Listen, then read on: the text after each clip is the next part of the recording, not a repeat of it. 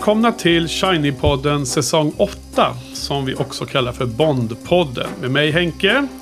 Och med mig på länk har jag två stycken doktorer i Bondkunskap. Eh, ner från Göteborg, Patrik, välkommen. Tack så hemskt mycket. Och uppifrån eh, djupaste Norrland, Joel, välkommen. Hallå, hallå. Hur står det till grabbar? Har ni överlevt nyår? Ja, det var inte så svårt. Jävla trängsel överallt bara tycker jag. Kanske inte Joel råkade ut för, men, men Nej. här var det trängsel. Nej, jag- Pandemiåret eh, avslutas med trängsel, Patrik. Berätta mer. Ja, nej, det var så att vi, jag och dottern gick faktiskt ifrån eh, innan tolv. För det var, det, det var lugnt när vi var där, men, men sen när det kom så mycket folk så gick vi därifrån. Ja, ni hade en liten... Eh, Ja, vi har en liten Samling. utsiktspunkt. Ja, utsiktspunkt inte långt härifrån. Så. aha, okej. utomhus. Utomhus i alla fall. Ja, Ja, nu har det good riddance. Nu har det jävla 2020 tagit slut. Vi får hoppas på ja bättre, jag bättre vill inte jinxa det, men det kan ju inte bli sämre. Nej, precis. Man fick ju, man Jinxa fick, det inte. man fick ju börja, bör, man kickstartar ju året med att kolla Die Another Day i alla fall. Ja, precis. Som sagt, det kan Okej. inte bli sämre. Ja, precis. Det kanske, det kanske inte går uppåt ändå menar du? Nej, precis. Ja. Ja, men med det så kanske vi ska, vi ska kasta oss in i dagens film. Och eh, det är den 20 Bond-filmen i den här riktiga serien. Och eh, vad heter den då Patrik? Die another day. Precis som Joel Ja, fick den något namn på svenska? Eh, nej, det fick den icke. Nej. Eh, vad skulle den direkt översatt hette? Eh, dött Dö en annan eh, dag. en, imorgon. Dött in, en annan dag. Mm. Okej, men du eh, Joel. Eh, vad tycker du om den här filmen då? Du, eh, du antyder redan att du kanske inte var jättenöjd, eller? Nej, Ja. nej. Nej, för, för, mig, för mig är den här... Det är nog lätt den sämsta Bond-filmen, måste jag säga. Det, det känns som att den är cementerad i botten. Jag, jag kommer inte på, på rak arm eh, att någon ska vara sämre. Och då är det ändå, jag är liksom... Jag kan vara ganska hård mot många utav Roger Moore-bondarna liksom. Eh, men ingen av dem liksom är så jävla... Eh, alltså det, det, det, den här är ju... För mig, för mig så är den här det tydligaste exemplet i en franchise av ett så här jump to shark eh, moment. Eh, som folk kanske vet vad det innebär. Att när man tappar tron helt liksom. Eh, Ja och det, är- det är hela den här filmen är sånt. Eh, men jag kommer ihåg, jag, jag, det finns ju en specifik händelse när det händer. Men det kan vi gå in på senare. Men, Jo, jag men har berätta. Säg, säg vilken du menar nu innan vi Ja, kommer men det. det är ju den osynliga bilen såklart. Ja, ja, just det. Alla Eh, rackar det- ner på den här. Ja, ja. Eh, men vi, vi pratar mer specifikt om den för där har jag också en lång utläggning. Men, eh, men jag, jag tänkte faktiskt så här att jag, när jag satt och kollade på den igår nu eh, så kände jag så här att det finns ett grundproblem som är över alla de här detalj, detaljgrejerna. Som, det finns ju en massa katastrofala scener liksom. Men eh, det, den, så som jag ser det så finns det ett överhängande stort jävla problem. Och det är ju skurken och skurkens bakgrund. Eh, eh, ska vi... Ska jag gå in i detalj på det? Nej, vi har ju glömt Mission Briefing. Men Ja, låt dig precis. ta din, eh, din, eh, din rant här så får Patrik köra en eh, mi- Mission Briefing sen. Ja. Ja. Nej men för filmen börjar ju i Sydkorea. Och så sen så visar det sig då att han på, på, ett, på 14 månaders tid så har skurken gått från att spela död till att vara en mångmiljardär med liksom diamantgruvor på Island och ha ett helt annat utseende. Ser ut som en liksom helt annan person eftersom från början så är det ju nordkoreansk asiat. Och eh, sen är det liksom en Bond-replika i eh, Peter Graves eh, eh, skepnad. Gustav. Du vet jag, Ja, Gustav Grace. ja, Precis, Gustav alltså Graves. det, det är liksom... Det är ganska långt ifrån John Le Carrés agentvärld det här. Ja. Och gre grej, grej, grejen är så här att det blir ju... Jag hade köpt hela den här förvandlingsgrejen om man hade brytt sig. Om det hade varit Blowfeld eller om det hade varit ehm, Sanchez från License to Kill liksom. Men här har vi liksom random nordkoreansk son till en överste. Och det är den stora revealen att han kommer tillbaks på slutet.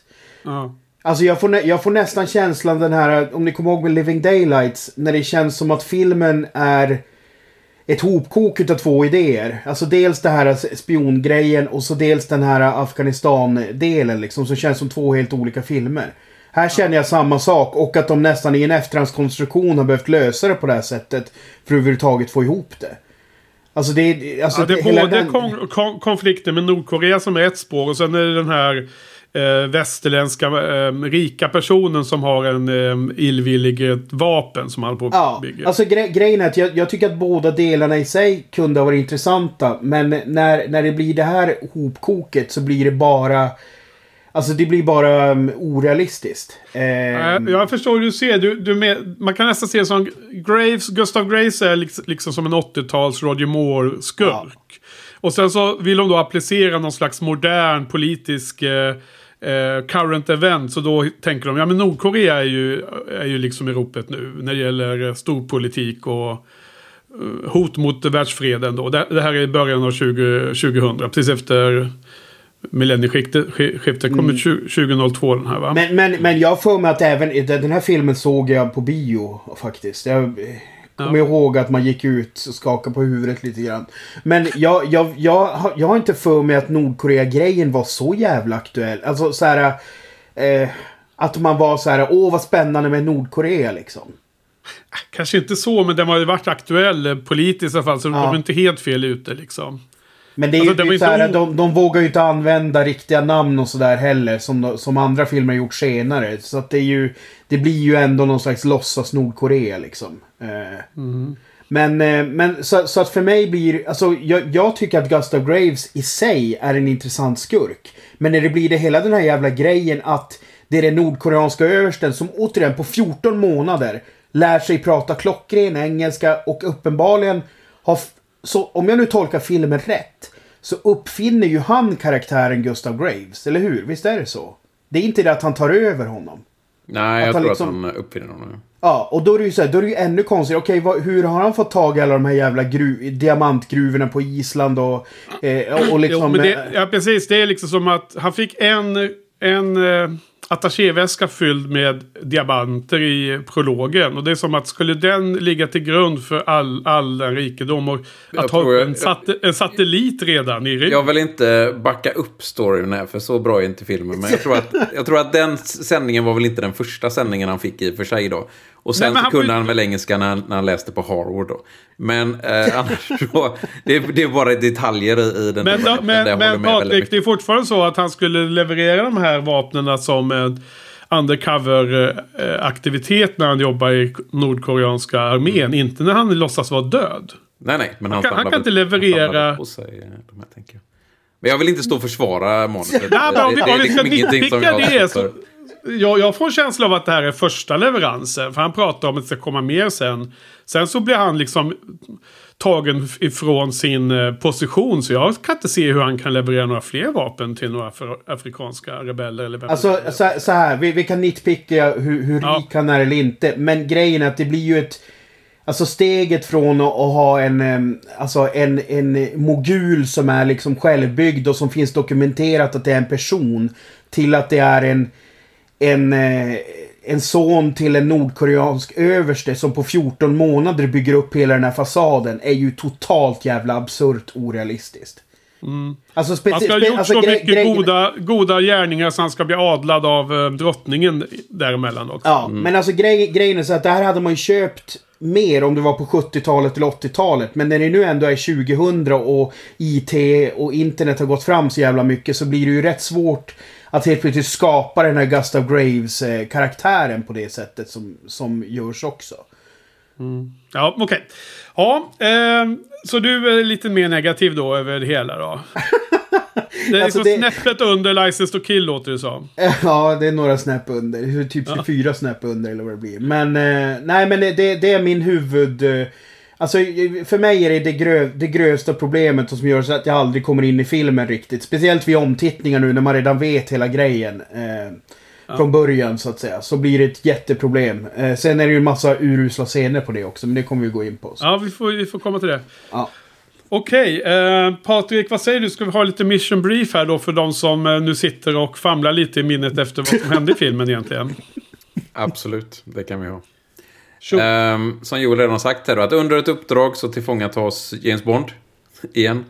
Uh, denna gången så spenderar han 14 månader i ett nordkoreanskt fängelse med ständig tortyr. Så man får se rätt snyggt. Um, men då han kommer därifrån så betraktas han som motsäker av MI6 och han blir tvungen att uh, eh, ta saken eh, lite i egna händer här i början för att hämnas. Dels mannen som, som tillfångatog honom då och, eh, eller såg till att han tillfångatogs och även hittade den som förrådde honom.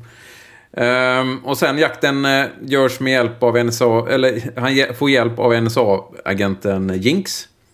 Och uh, de åker via ett skönhetsklinik på Kuba till ett ispalats till, på Island för att avslutas i ett sönderfallande flygplan. Det var ganska, uh, ganska komplett. Brinnande flygplan, ja. ja. Okej, okay. men vad tycker du då Patrik? Vad, vad är det som gick fel i den här filmen egentligen? Ja, eh, det finns ju mycket fel.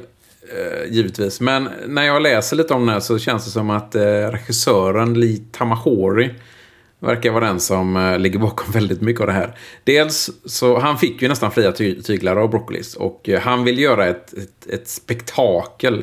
Det kändes som han, helt plötsligt fick han jättemycket pengar och så skulle han göra en Bondfilm och då skulle han, han skulle ha med allt. Han skulle göra så otroligt som möjligt nästan. Um, och det är även han som ligger bakom många av de scenerna som gör den här filmen ökänd. Då. Eh, det var bland annat han som övertalade både Broccoli och MGM att CGI, det är en bra grej. Det måste vi ha. Så det är första gången de använder CGI. Ehm, och eh, de, speciellt en scen där de använder CGI är ju är fruktansvärt dåligt. Helt enkelt. Vilken är det? Eh, när han kitesurfar eh, på isen, eller efter när isen har ramlat ner. Även när Jinx eh, gör sitt eh, svanhopp bakåt där. Ja. Det ser också jävligt dåligt ut.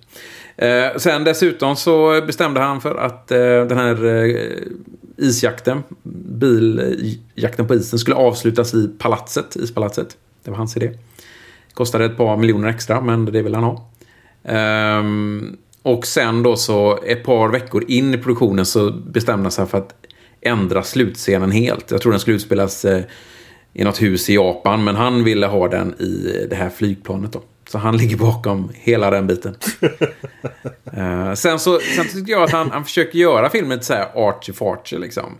Jag har inget emot när han speedar upp senare ibland. Det gör han. Det, det ser väl rätt bra ut. Men han, han gör massa slow motions också ibland. Ja, det, det, det känns jättedåligt. Ja, verkligen.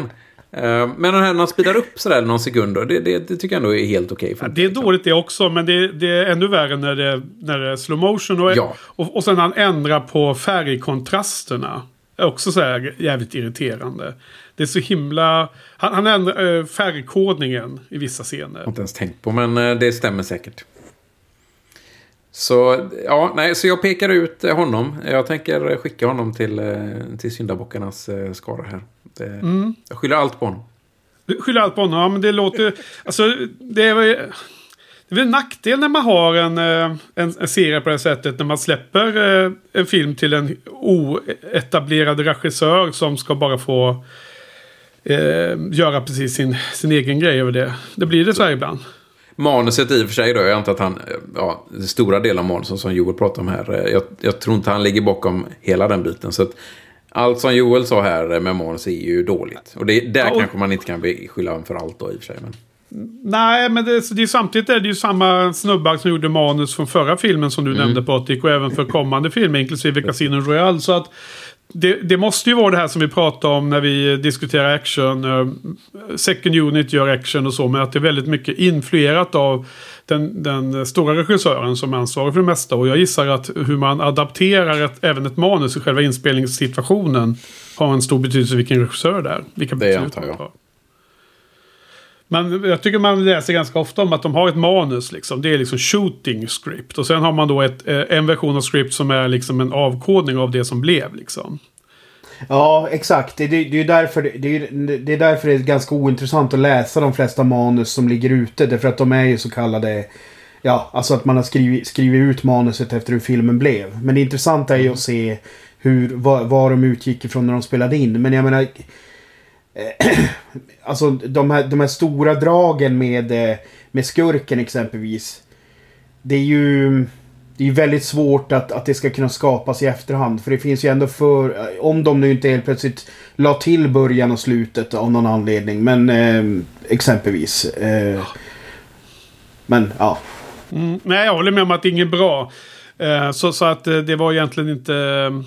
Det hjälper inte de stora hela Nej. dragen såklart om, om, de, om det var det som var... eh, Manusförfattarna var de som hittade på den här eh, transformationen på den här korta tiden och så. Mm. Jag antar att det är det de, att de, de låg bakom det då. Det, det blev inte bra. Man, eh, man skulle kunna ha köpt en sån där story om det hade varit tio år i sig. Eller sånt där emellan. Liksom, en tid att bygga upp.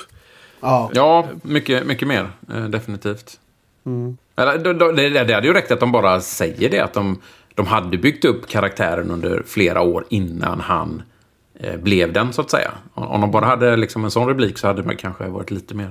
Det är ju bara det att den där jävla nordkoreanen är ju så fruktansvärt okarismatisk. Alltså det är ju så här... Eh, han känns ju bara som vilken bit extra som helst i början. Och det är ju så här, det, alltså det, återigen, så, som när vi pratar om den här gubben i förra filmen, pappan till eh, Elektra. Att sätter du en viss skådis i den rollen så, så får ju karaktären en helt annan impact. Nu blir det ju bara liksom random Nordkorean dude liksom, lite grann. För att det är ju, gubben med diamanten är ju han som sticker ut, men han är ju mer en henchman.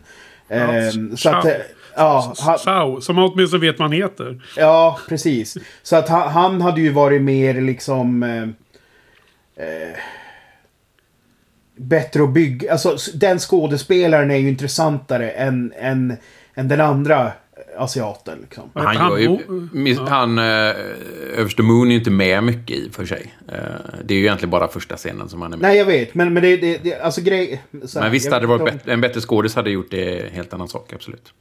Ja, och så kanske jag hade...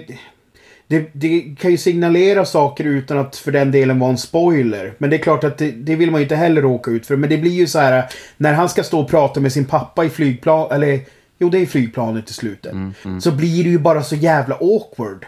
Men det hade väl varit nice om man hade sett mer av honom i början. Mer av den här överste Moon. Och sen att han hade någon tics. Någon, någon slags tick som sen Graves gjorde också. Som man, man Ja. ser en viss koppling. Det hade ju varit Absolut. niceare. Ja, och det är ju... Det är, pre, precis, det är... Ja. Exakt. Ja, okej. Eh, ni båda verkar negativa och så. Jag, eh, eh, jag har ju en liten spaning här eh, på Die Another Day som är... Eh, som, som jag kastar ut här till er vad ni tycker om det. Kan man inte se det här lite som License to Kill 2.0? Herregud. Nu kastar jag in eh, Joel en eh, liten- gillar nog den idén. Är det för att han, dess- han går rogue lite grann? här? Hur- Gå hur- gå hur rogue? 10 minuter på Kuba. Det är, precis, det, men det är ju de här grejerna att det, det är liksom de två centrala aspekterna av License to Kill återkommer här plötsligt. Alltså dels att han går rogue ett tag. Ganska länge men eh, det, ända in i slutet så säger, säger Bond till henne, ja men då är det ju tur att jag kan gå in i Nordkorea här liksom. För att han är fortfarande utanför, utanför det officiella liksom. Ehm, så jag vet inte om det är tio minuter på Kuba han är rogue. Jag menar, Ja, Nej, ja, jag, jag, ja, men jag tycker nog att han är rogue fram till... Eh, han kommer tillbaka till London och får eh, sina, sin bil och sina gadgets. Jo, alltså man, man, man undrar ju det. Men även där när de står i eh, tunnel, den hemliga tunnelbanestationen så säger väl Bond någonting i form av att han kan jobba utanför det officiella. Liksom. Men, och han säger det i slutet också i alla fall när, de, när både jänkarna och britterna säger att de inte kan gå in i...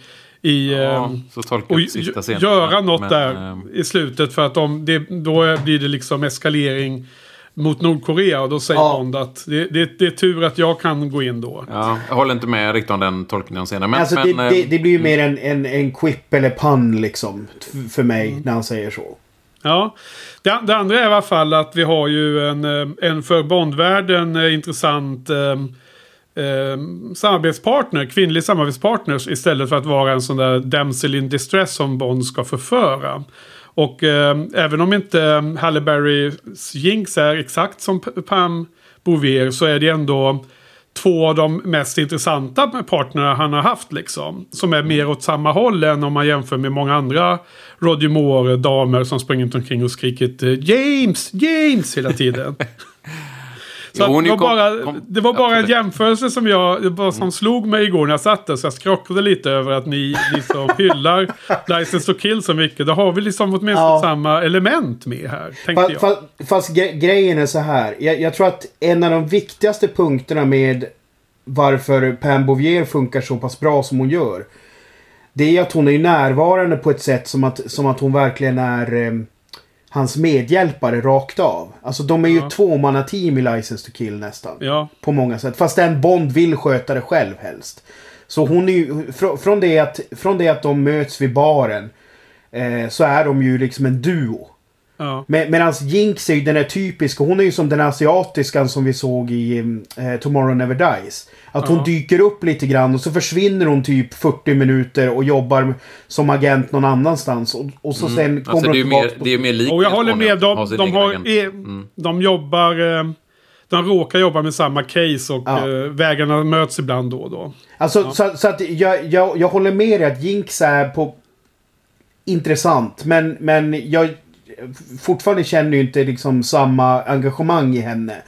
Eh, däremot så tror jag att faktiskt den största skillnaden till varför Pam Bouvier funkar så pass bra är att hon tillåts vara någonting mer. Och vilket vi inte har sett i så jävla många andra Bond-filmer. Alltså för mig så är hon och eh, hans fru Di- Di- Diana Rigg, de två karaktärerna sticker ut för att de används lite annorlunda eh, som Bond, eh, Bondbrudar liksom.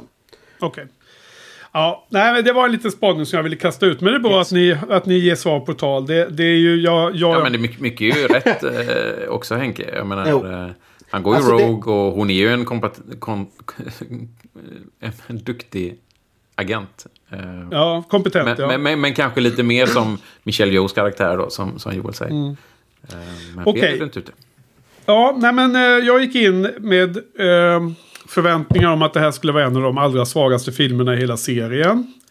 Det är ju svårt att, eh, att säga vilken som är, om den är exakt svagast eller inte.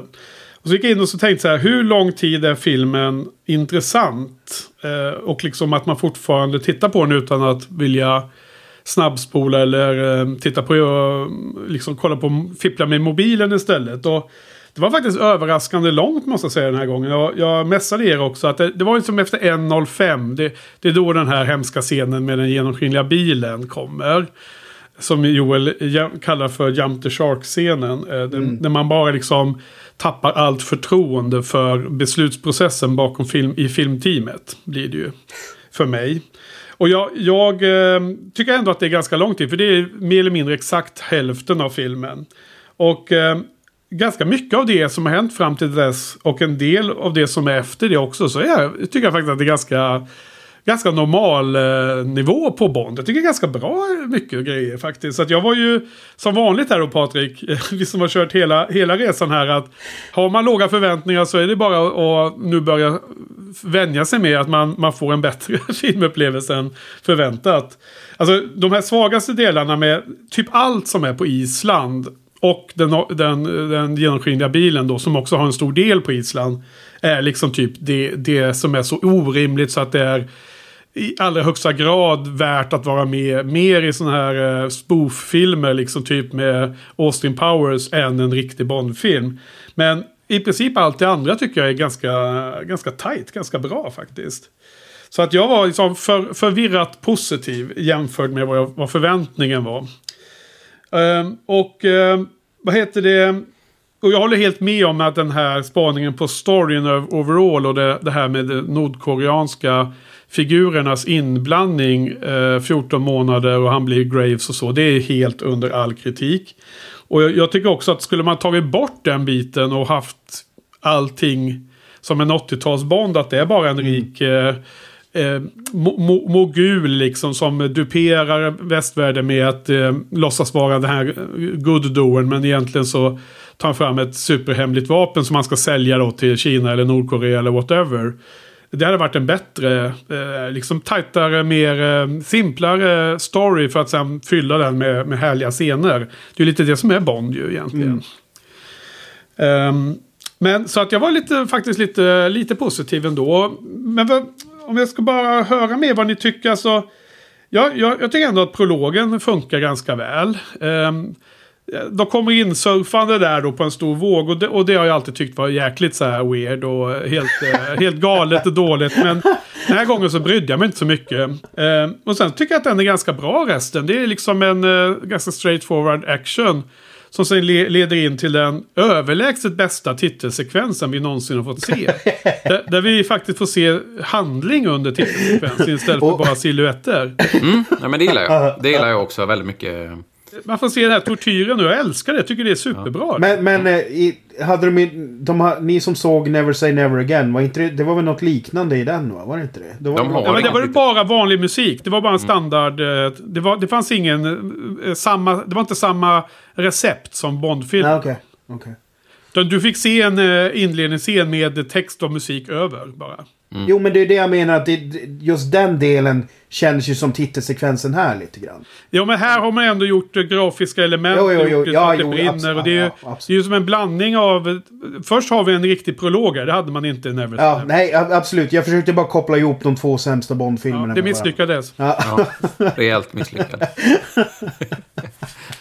Det är synd bara då, eftersom, eftersom vi är där då, det är synd bara då att, eh, att eh, titelsekvensen pryds av eh, den kanske sämsta Bondlåten av dem alla. Nej men tycker du det? Fan, ja, jag gillar Madonnas eh, låt här. Ja, jag, Fan, jag, jag gillar det. Nej, jag tycker den här är antagligen... Det finns många låtar som man inte minns. Men ja. den här minns man för den är så jävla dålig. Ja, fan, tycker du också det Joel, eller? Ja, alltså det, jag, när jag satt nu så tänkte jag, vad fan, hon sjunger ju bara, hon sjunger ju titellåten hela tiden. Alltså det finns ju typ ingen annan text i låten. Va? Det är så här, och så, så, här, så här hackar fram, det är så här frammixat, framhackat. Det är så, så otroligt artificiell låt liksom. Ja. Det, nej, det, ja. den, den, det, som, det som Patrik säger, det finns många låtar som man inte minns. Eh, men den här minns man och jag tycker.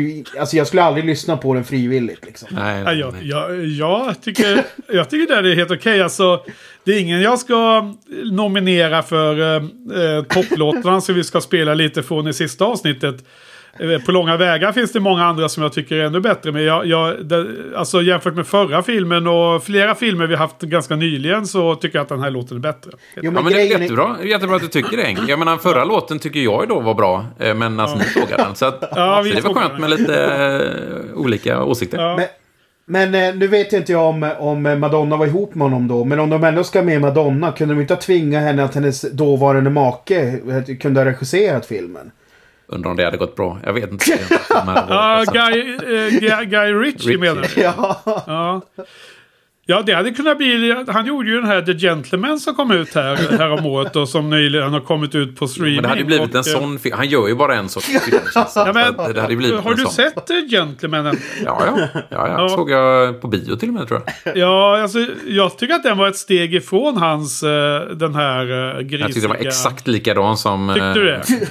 Smoking Barrels och det här. Jo, det var det jag, jag, tyckte han har höjt sig lite när de hade ändrat miljöerna. Men... Ja, ja men och, och det är väl samma. Det ja, jo, jag, jag, kan köpa det.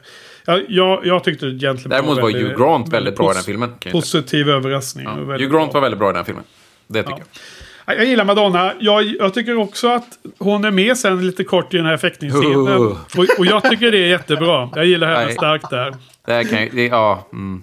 Va, va, va, varför inte Patrik? Va, vad är, vad är hon, problemet? Hon det är bara att du stör dig hur... på att hon är känd, eller vadå? Nej, jag stör mig på att hon är jättedålig skådis. Jaha, men hon, hon, gör ju ingenting ju. Nej, hon kunde ju gjort någonting. Men eh, alltså, nej, jag tycker bara det är jättedåligt. Nej, jag tycker inte att hon är dålig i det lilla. Hon, hon, det, det, är så lite så att det kan inte ens göras dåligt eller bra. Jo, men jag, jag reagerade på någon, någonting hur hon för sig eller att hon ser stel ut eller någonting. Mm. Så att det, jag, jag, köper nog det. Och, men, men sen så blir det en för stor...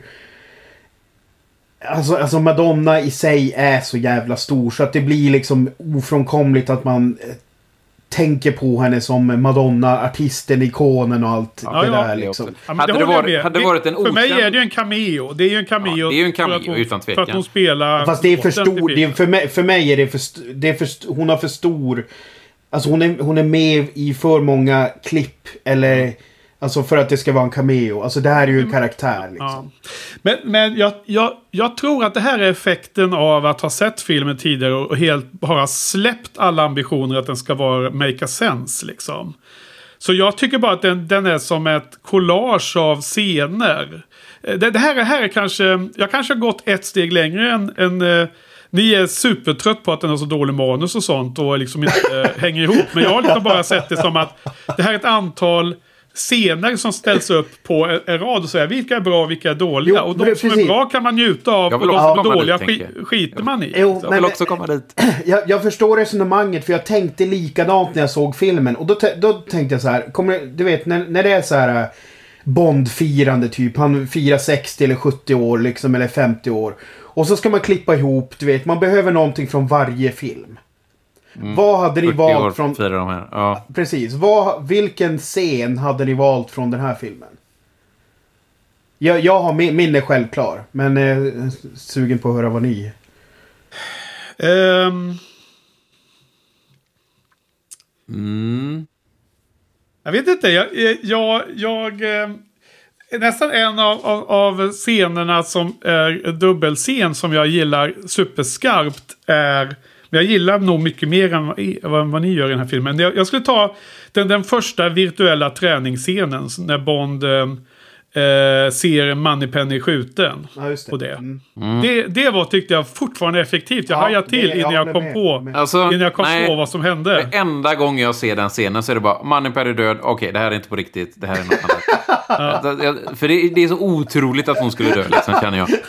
Så nej. Eh, Nej, jag, jag tycker också det, men det är, som, det är liksom en, en, en stark scen ändå. Och sen så följer de upp det med en väldigt lustig scen där.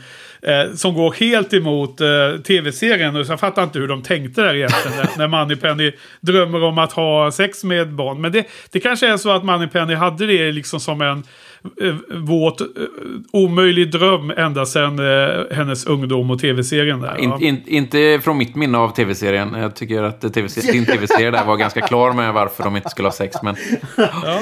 ja, men precis det var det jag menar. Och, men hon har haft ändå någon slags hemlig dröm att få honom ändå. Eh, Och, och där, därför körde hon den virtuella. Vad hade du valt eh, Joel för någon scen ifrån den här filmen då? Som, eh, som du Eh, du, du, du nämnde den faktiskt. Det var fäktningsscenen. Ja. Alltså jag, jag, tycker den är, jag tycker den är jättebra. Dock återigen så finns det ett fundamentalt fel med hela den här eh, skurkuppbyggnaden. Och det är att han är så förbannat arg på Bond. Om ni tänker ja, på det. båda är ju arga. Och det, jag fattar inte det. Det, Jo, det, det framför- jag förstör tycker- hela scenen för mig. Ja, alltså det är ju som att de verkligen har ett jätteavancerat förflutet. Du vet som om det skulle vara Blowfeld liksom. Som, eh, Precis. Det, det funkar inte för mig. Det, de, för båda är ju arga på varandra där. Och, och det, är ju, det är ju schysst att det är vildsint, men det finns ju ingen anledning att det är så vildsint. Nej. Hade det funnits det så hade jag ju svalt den scenen med Alltså, humor, men alltså det gör jag inte idag. tä- tänk exempelvis så som Goldfinger är uppbyggd. Eh, med, och, så, och så byter man ut liksom golf, alltså golfscenen är bra också. Men ehm, typ det här att Goldfinger fattar att det var Bond som blåste honom vid, vid kortspelet. Och så kör de en fäktningssekvens. Då, då hade jag liksom köpt det. Du vet, det finns någonting där. Men nu, nu är det så här, det är första gången de träffar varandra.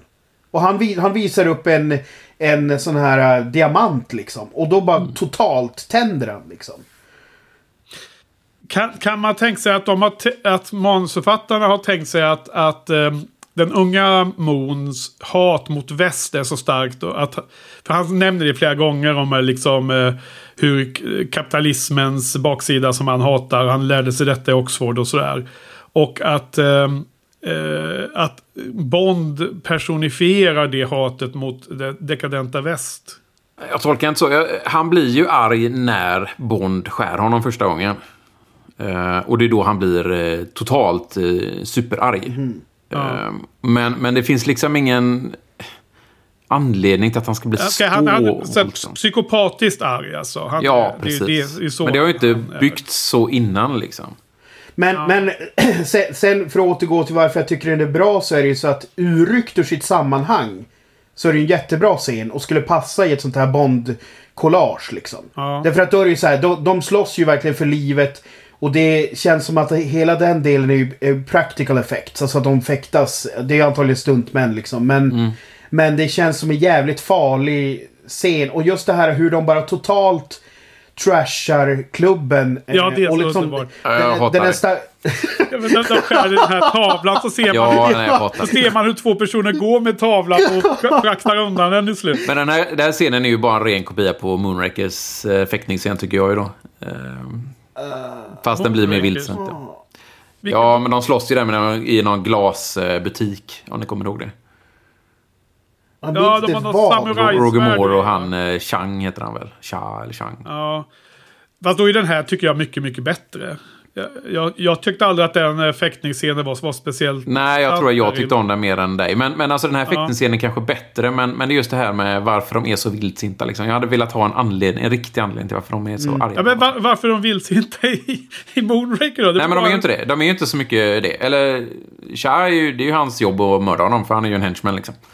Eh, och eh, Moore försvarar sig mer. Men, men, eh, så du har inte det vildsinta i den scenen. Men det är en fäktningsscen. Nej. Nej, men alltså jag, jag messade till er igår också att jag, jag, jag, tycker den här scenen är superbra. Det, det är en av de, en Jo, jo, av de det- jag skrivit jag- på plussidan. Jag håller med dig. Dock så blir det otroligt förbryllande för mig varför känsloyttringarna är som de är. Ja. Precis Men- men-. Jag, Men jag förstår det. passar- Jag förstår exakt hur ni tänker och för mig var det bara... Det, det var överkurs. He, hela inställningen till filmen hade redan räddat mig från den, eh, den fällan. Ja. Det är bra. Eh, och så jag gillar att Madonna är med. Sen gillar jag att Rosamund Pike kommer med i en fäktningsscen. Vilket... Vilket... Ser fram. Eh, Du ser fram ser emot fram det här. emot Ja. att se henne i närhet av fäktningsscener i kommande tv-serie. Eh, Mm. För alla som nu höjer på ögonbrynen är det ju Rosamund Pike just av alla personer som spelar huvudpersonen eh, Mo- eh, Moraine i eh, kommande Wheel of Time tv-serien. Oj, oj, oj. Ja men Detta var, detta var ju hennes första film då, så att... Eh, Ja. det, nej, jag gillar ju henne. Jag gillar Rosamund Pike jättemycket. Det ska också bli... Ja, alltså gre grejen är att återigen så är det så jävla sloppy därför att de peggar ju upp det här med att han har blivit förrådd eh, så mycket. Alltså det är ju fan... eh, De kunde ju ha gjort mer med hennes karaktär känns det som. Eh, Eh, än- Frost. än- Ja, Miranda Frost ja. Ja. Eh, det, det känns, nu, nu minns, nu minns jag inte exakt hur tankegångarna var, men jag bara kände så här, fan vad synd liksom att det inte... Eh, liksom att, det- typ, att hon nästan skulle ha varit main villain, ungefär som i den här eh, Batman-filmen The Bane är med. Där det visar sig att det är en annan som har styrt hela tiden. Ja, just det. Det. Att, att, eh, att jag nästan hade, fan vad coolt det hade varit om hon hade varit the main bad liksom. Mm. På något sätt. Ja, nej, den här funkar för mig, men jag... Då har det jag- varit väldigt köpt, likt filmen eh, före i och för sig. Ja, precis. Med Sofie Ja, Markoolio. ah, just det, just det. det är, Uh, nej, jag, jag tycker de gör... det är mycket bra med Frost. Eh, Ja, är, är det här då, Patrik, som du eh, fick upp ögonen för Rosamund Pike och, och att du blev en fan till henne från den här Mm. Ja, filmen bara, eller? Ja. definitivt. Ja. jag tycker hon är jättebra i den här filmen. Det, hon är Ja. en av de få sakerna som är bra i den här filmen. Hon, hon är iskall, eh, men ändå intressant. Ja. Eller hur tycker du? Beskriv vad det är som du gillar då med, med hennes eh, performance. Jag är så kass på sånt. Men eh, det är något sånt... Det, ja, men jag bara... Det, det känns... eh, jag gillar karaktären. Eh, de, de kunde gjort mer med den, i och för sig. Eh, jag tycker hon spelar bra. Eh, kall och, och allting sånt. Sen ser hon jävligt bra ut också. Det är ju inte, inte fy skam det heller. Ja, ja. Nej, men alltså, jag, jag tycker att de säljer in det ganska bra där. Det, det första överraskningen är när hon helt plötsligt dyker upp hos M där då. Att Mm. hon, hon var då en MI6. Eh, som det visar sig eh, eh, skrivbordsagent som sen då får kastas ut i, eh, i live action bara för att hon passade in då, då i, den, i den situationen. Eh, och sen då är det en, en dubbelswitch då. Det visar sig i slutet att hon är på eh, koreanernas sida. Vilket eh, känns också väldigt så här ehm, extremt taget från, från mm, liksom intet. Men eh, hon skulle alltså då ha varit så tävlingsinriktad så att när Han Moon hjälpte till att se, se till att den som vann OS-guldet blev fälld för doping. Så att hon fick guldet i efterhand. Det gjorde att hon kunde förråda hela sitt land. Vilket känns. Ja, alltså det var väl inte riktigt så. De, var, de blev ju vänner när de gick på Harvard båda två. Vilket jag inte förstår hur, hur både NSA och eh, MI6 kunde missa. Eh, och sen så bara för att de är vänner så hjälpte han ju henne att vinna guld. Och hon, de blev vänner bara för att hon var just helt iskall. Hon brydde sig inte om någon, någonting liksom, egentligen. Om bara om sig själv och sin Men, egen men vad karriär. konstigt. För att i början så sa de också att han gick på Oxford. Så hur många ställen har han varit på egentligen? Hon gick, på, hon gick väl på Oxford och Harvard. Jag minns inte om han gick på båda. Men han gick på Harvard i alla fall, för det sa de ju. Ja, för, för de säger det där i, med, med anledning av att eh, M anklagar ju Michael Madsen som är jävligt dålig i den här filmen för övrigt. Falco eller vad han heter. Eh, Då säger hon, "Ja, varför kunde du inte ha sagt att de gick på Harvard ihop? Men i, i Kunde ju prologen... MI6 också. eh, Ja, alltså jätte, jättekonstigt. Det, är nog- det kan nog Att vara de inte gör en bakgrundscheck liksom på... Ja, eh, alltså, det är nog på- på Judi båda, Denchs ja. dum, dummaste replik i hela Ja, Bond verkligen. franchisen. Ja. Men i prologen så är jag tämligen säker på att eh, när Bond eh, kommenterar att Moon har så bra engelska så säger han att han pluggade på Ox- Oxford. Mm, ja, det är mycket jag tror också att hans, pappas, hans pappa säger att han skickar honom dit för att han skulle bli en länk att eh, liksom, bli mer fredliga mot förstå väst bättre och så vidare. Men att det backfire säger ju pappan någon gång. Ja, jag kommer inte ihåg. eh, Ja, Okej, om- nej om- men då har de du fyllt ur där. Fyllt ur där Patrik. Ja, Ytterligare de kan ju mest på... upp också vilket, vilket, eh, vilken universitet de gick på där. Men eh, det är i alla fall backstoryn att de kände varandra sedan innan. Liksom. Så, Ja, precis. Så du har fyllt i där lite hål där. Jag, som, ja, men attentionnivån är ju lite låg när man bara ser en film för att se dess scener, inte att se dess helhet. så är det ju. Så är det. Fast, fa- fast, det här, fast det här blir ju återigen en tillbaka kastning till det som jag ta, sa tidigare där. När, när liksom grundgrejen är så jävla oklar och orealistisk. Så Ja. blir ju, blir ju he, hela, hela, deras, hela deras koppling med varandra blir ju så här, ja men när... Då har hon känt honom i hans koreanska utseende också och allt... Allt hände på 14 månader och hela... Alltså det blir ju, det blir ju bara... De kände ju varandra långt innan 14 månader. Ga- galet, ja. eh, Ja. Men jag håller med dig. Ehm, Eh, I vilket fall som helst, jag, jag älskar den här eh, eh, svärdfighten. Jag tycker den är våldsam, brutal, precis som du var inne på Joel. Och eh, jag, jag lade märke till en liten detalj där eh, eh, från värjan som de använder när de eh, eh, har dräkter och räknar poäng så har man en viss typ av värja med en liten, alltså sport, sportens eh, vapen, men de har en liten grej längst fram som eh, noterar träffen ju. När de byter till vassa vapen för att de eh, ska köra vidare. Då, då har ni, såg ni redan att Bond sparkar den här, trä, den här eh, fäktvärjan Ja. mot kameran? Jävla snyggt gjort alltså. Det, jag tycker det var en riktigt härlig liten detalj där. i inledningen innan det blir blodigt den där eh, Ja, fighten. det är väl enda CGI-effekten som är bra i hela den här filmen. också. Ja, det är det nog faktiskt. Ja, den, den är liksom lite så här som en eh, afterthought och den, den, den stack ut. Jag tyckte den var lite kul. Ja, jag håller med. Och- Den, den var också något man tänkte på. Definitivt. Men, men jag sen gillar jag lite som Joel nämnde att de liksom river halva den här klubben med stolar och eh, tavlan och allt vad det är. Jag Ja, tycker det är den- kul. Den där stackars gubben som sitter i en läderfåtölj och läser sin så här, Dagens Industri. Och så bara får det upp. Precis. det är så himla bra ja. Det är kul att, den, Okej. roar no att, att den roar någon. Vad Ja. härligt att höra. ja. Ehm, sen då... Um, Jinx då? Vad har, vi, vad har vi på henne och scenerna på Kuba? Jag, jag tycker det är ganska bra det mesta där som sker på Kuba faktiskt. Måste jag säga. Vad tyckte ni? Ja, alltså det går ju inte att prata om Jinx och inte prata om första scenen med henne.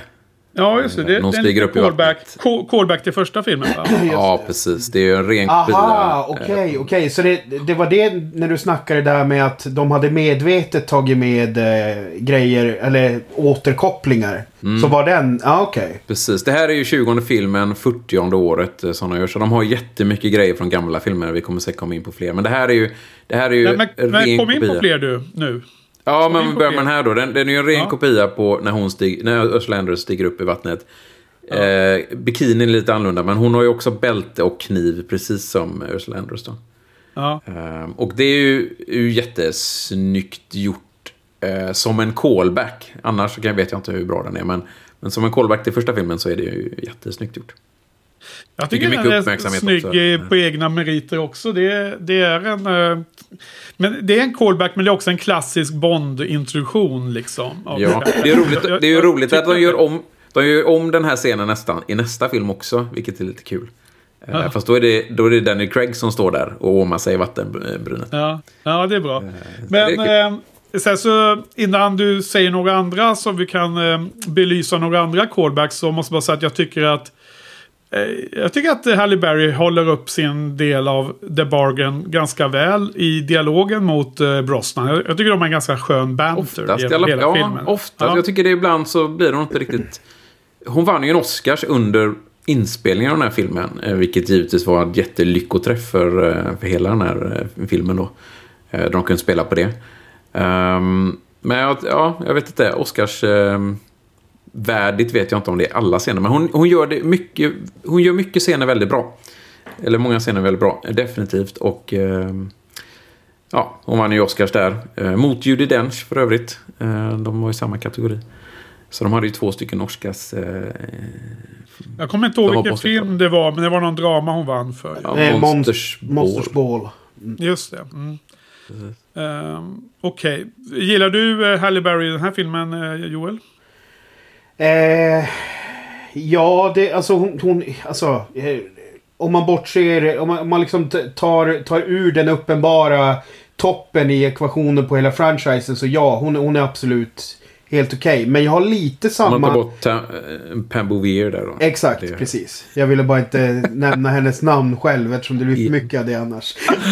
men, men, nej men alltså... Det, hon, det blir snart så straffpeng på Joel. ja, nej men alltså hon, hon, hon eh, vad heter Jinx är liksom en habil eh, Bond Female Agent liksom. Men som jag sa så är det lite för mycket formula över. Att vi har sett den här varianten no några gånger. Att han stöter på henne tidigare och så dyker upp sen. Sen, sen, sen känner jag lite, men, men det här är också... Jag tycker att de har, jag tycker castingen är lite annorlunda i den här filmen. För att nu, nu kanske Halle Berry för mig är större än för er, men hon sticker ut lite åt det här Madonna-hållet för mig. Att, att liksom hon är lite för stor för att vara den här typen av roll nästan. Och ja. sen... Hon var, ju, hon var ju definitivt en av de största de hade, ja. hade tagit. Men, men hur stor var hon 2002? Hon kanske hade gjort eh, en hel del. Jag tror, hon hade, jag tror att hon hade gjort X-Men och lite sådana grejer. Hade hon? Ja, X-Men hade hon gjort ja. Men det är väl egentligen där hon slog igenom på riktigt, eller? Var det så? Försöker scrolla lite här i IMDb. Nej, no, no, någonting har hon väl gjort innan. Men skitsamma. Jo, jo, det, kanske, men... det kanske är en, en, en grej som jag tar med mig med nu när jag ser den. Att det mm, sticker ut. Men, men du, du nämnde ju även Michael Madsen. Och för mig så sticker den castingen ut så, så inåt helvete. För det känns som att gamla typen av Bond-filmer, eller, eller de tidigare varianterna av Bond så, som inte spelades av Pierce Brosnan. Då känns det inte som att man skulle kasta den typen av amerikansk känd skådis som honom. På något sätt. Alltså, det, han, han sticker ut som att man bara ja. tänker, jaha, där, här är liksom han som brukar vara med i Tarantinos filmer. Liksom. Precis. Ja, precis. ja, den sticker ut alldeles för mycket. Den tar han ut. Utan att veta så skulle jag gissa att det här är ju MGM då. De älskar ju att ta in amerikaner i, i de här Bondfilmerna. Så min gissning menar, är att han, det är de som har tvingat in eh, honom. Jag, jag vet menar, inte. Det, det, det uppenbara hade väl varit att köra med den här Joe... Nej, inte... Jo, Heter han Joe Don Baker? Han som har spelat ja. Eh, Felix Leiter, substitutet i två filmer.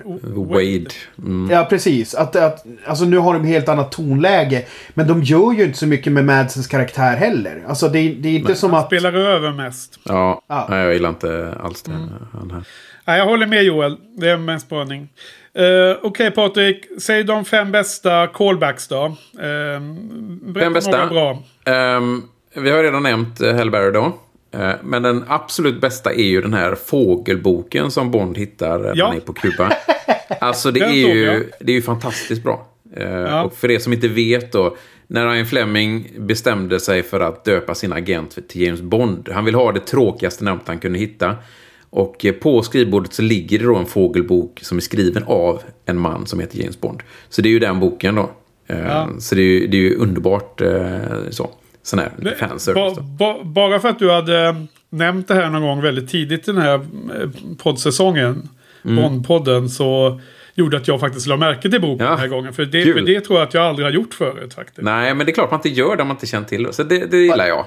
Det ser ut som att han stjäl boken va? Ja, jag vet inte om han, ja, om man frågar ja. om lån. Men ja, han, han tar med den där. Ja. Men, men, men det är lite konstigt att de tyckte att James Bond var så himla okänd. För det är väl ett av de mest kända filmnamnen i hela världen.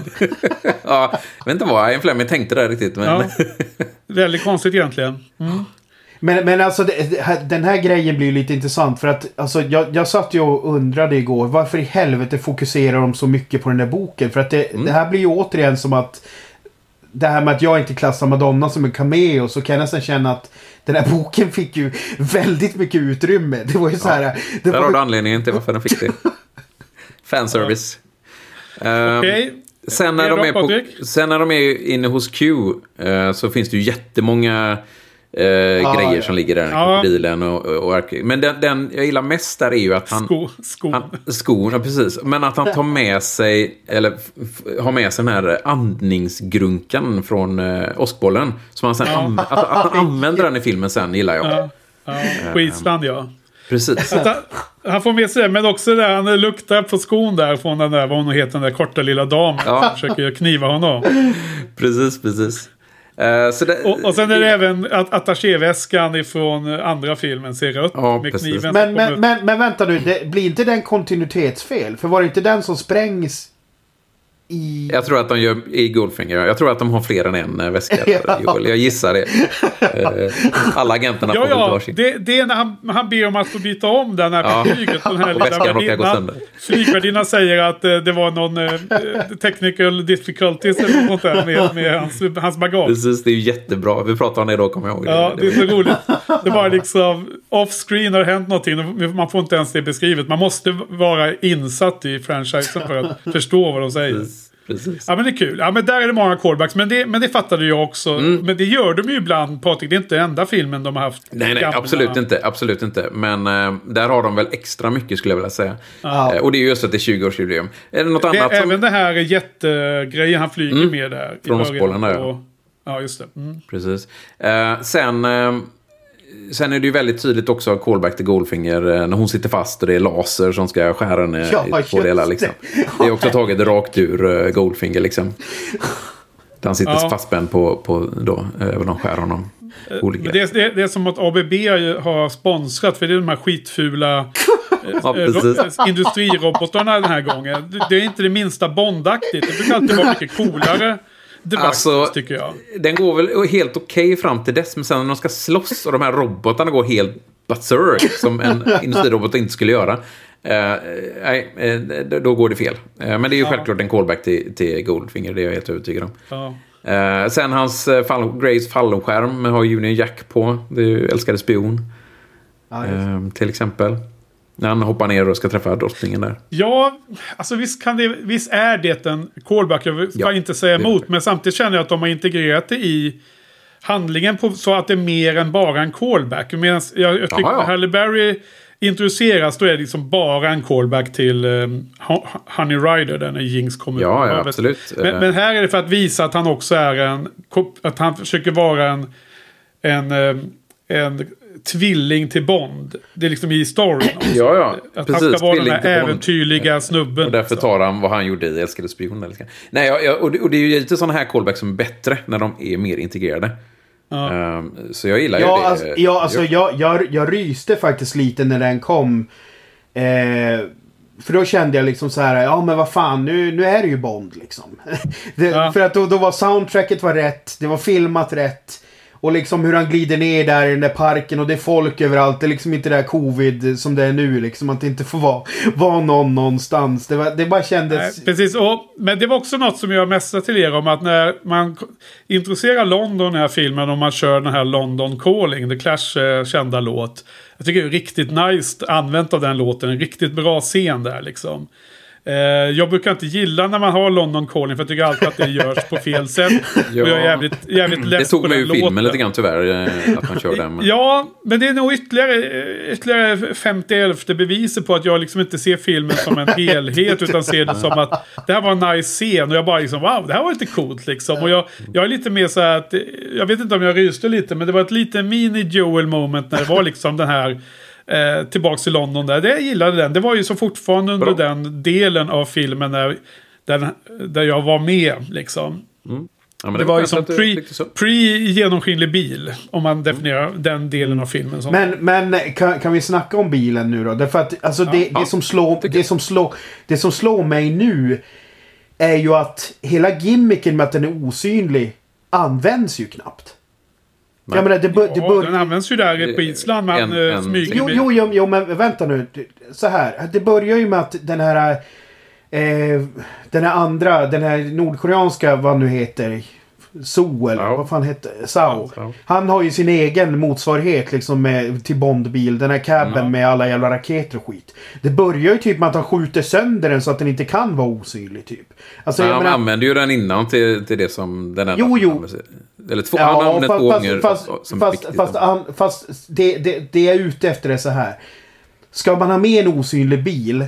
Då, då måste den ju fylla ett viktigt syfte. Mer än att en skoter krockar med den när den är osynlig. Och att han i slutändan gör sig osynlig och backar upp för ur vägen. Alltså det blir så här. alltså den, den stora, on, var är, var, är, var, är, var, är det, var är det här payoffsen den som sto, var... stora användningen av den var väl när han, eh, när han gör den osynlig och glider in i, bakområdet där. Så ingen ser honom.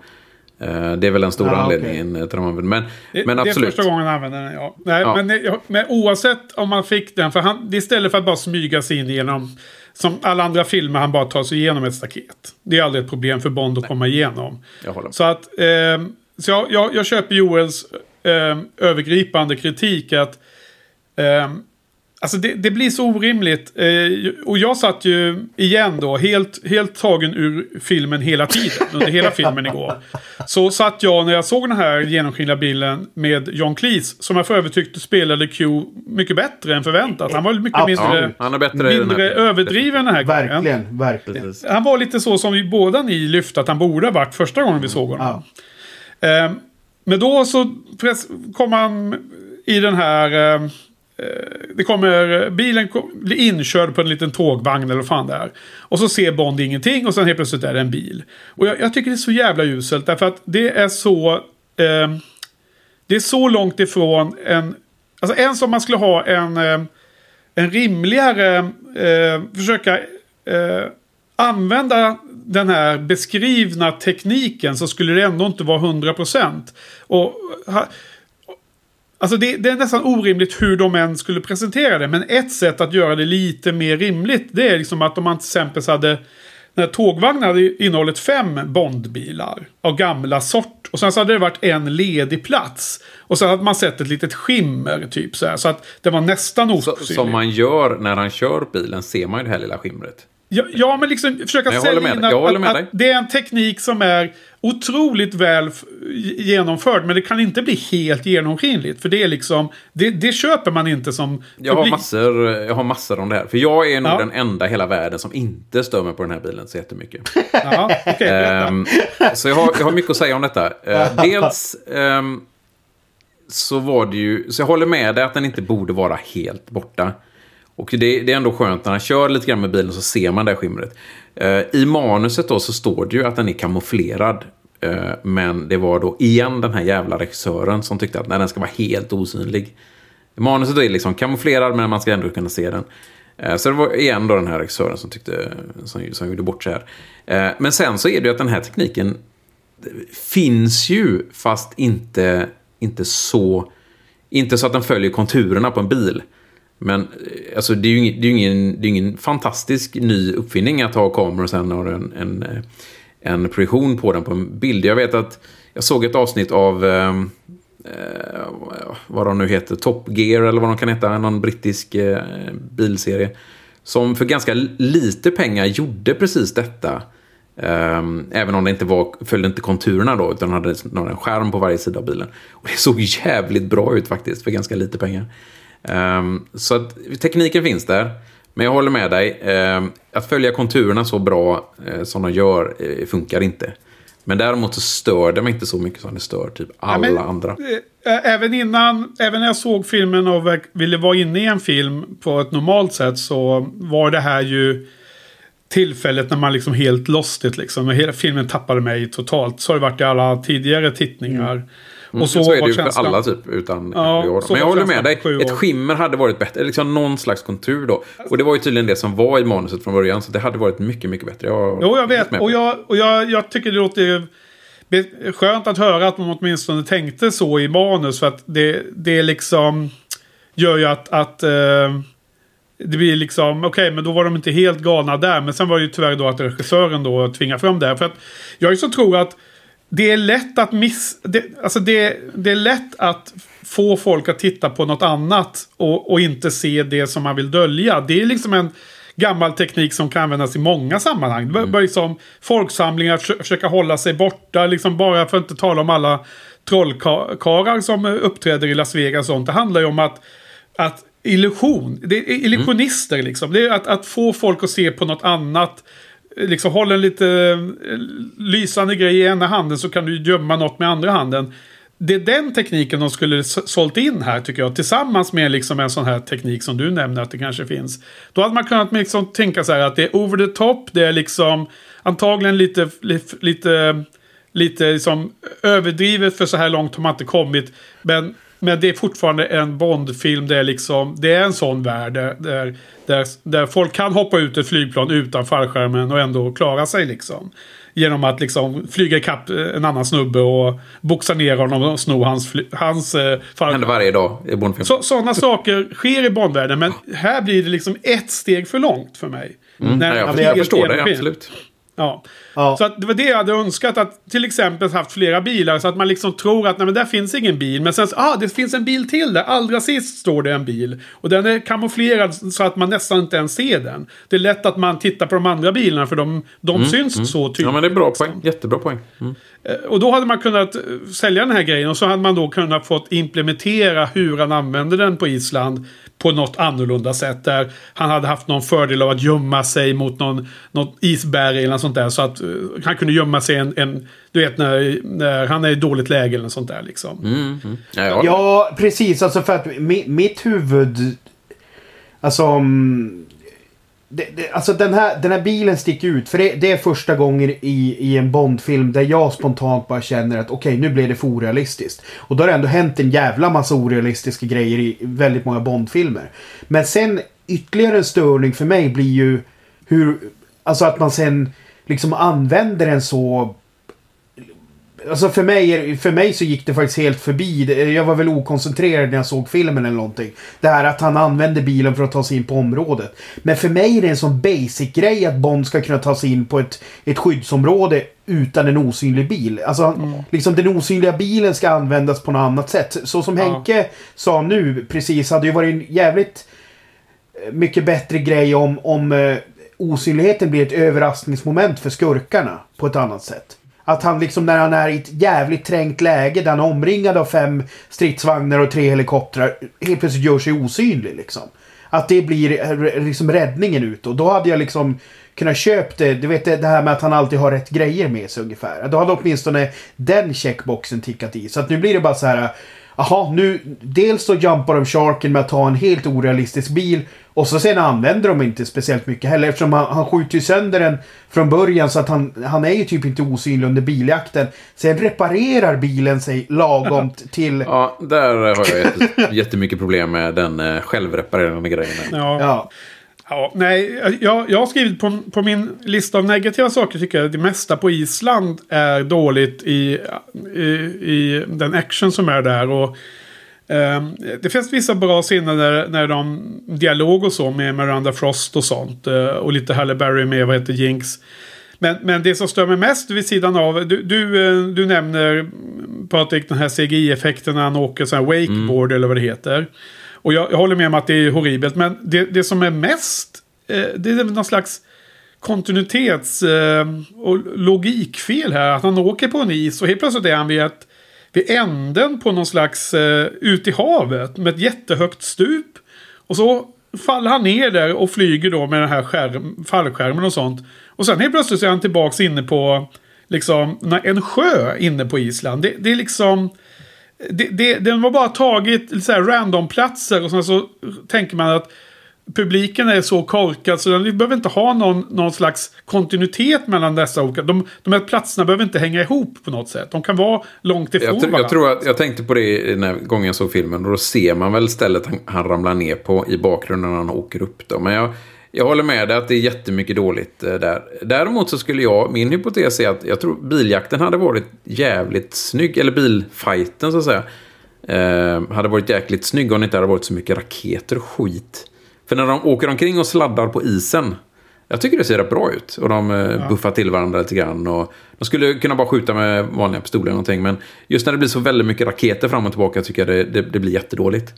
Ehm, men just att köra Generellt sett jag- är det ganska trist med biljakter. Och, Jo, eh, det håller jag med. Eventuellt att det var lite coolt att de åkte på isen. Men, men då skulle Mm. det vara som en krydda på någonting. Det ska vara en kort sekvens. Jag håller med. Det ska inte hålla på i all evighet som det känns när de är så här långa de här scenerna. Nej. Det är ju Eh, ett, på det är ett eh, problem som man ser i jättemånga filmer, tyvärr. Jo, ja, precis. Men det, gör det, inte det blir inte bättre även om andra filmer också har det här felet. Nej, Men men, liksom- menar jag. Det är Men ju som hörni- att de eh, får liksom... eh, Wow, det här var ju som är coolt. Och då måste vi utnyttja det. Nu har vi fått liksom det här kortet att spela. Måste vi utnyttja det till fullo. Och göra en så lång scen som möjligt känns det som. Det, det liksom adderar inte till karaktärs eller handlingsutvecklingen tycker jag. Nej. Men jag, jag har ju, jag har ju liksom den... Eh, det bästa... Jag, jag har ju hur man skulle göra kite-scenen bearable. Ja. Man lägger till en Beach Boys-låt. Som i prologen till vilken film var det nu då? Jag Ja, vill levande måltavla. Åh, gud vad hemskt. Ja, och det, det är också ett sånt fall där man, man är på is i vattennivå. Sen helt plötsligt är de uppe i något berg. Och det är också inspelat i Schweiz. Och sen är man på glaciären. Och sen är man nere vid havet. Det är liksom den här kontinuiteten mellan lokationerna som klipps Jag tror, hade, mellan- jag tror du hade kommit utanför allt det, Henke, när du såg den här filmen. Ja, ja precis. Men, men man vill ju ändå nitpicka de grejerna. Det här är ju... Patrik, jag såg scen för scen och jag tycker scenen på Island är dålig. Det är det jag säger nu. Ja. Men Jag tycker många andra scener i första halvan av filmen är helt okej och ganska bra. Vi har också då jakt i udda fordon för övrigt redan i prologen då när han kör de här svävarna då. Mm, precis. Eh, Då var, var, du, var du glad där när vi fick in en nytt fordon då Patrik, eller? Eh, Känner ja, du- fast det kunde gjorts hundratusen gånger bättre. För jag tycker inte den scenen är speciellt bra. Men visst, det är kul med ett eh, nytt fordon. Ja, och det, även där är de slarviga. Och, det, det, man kan fortfarande nitpicka även om man inte... Det, det som du var inne på alldeles, nitpicka, Henke, du får all- all- alldeles tidigare. Liksom, det går inte emot varandra. Där, där så... Ganska tidigt i jakten med eh, svävare så är Bond... Eh, har han ju tagit som vanligt och så tar han den det fordon som är sist. Om det är en skoter eller om det är motorcykel eller vad den är. Han tar det från en skurk och sen jagar han andra skurkar som är framför.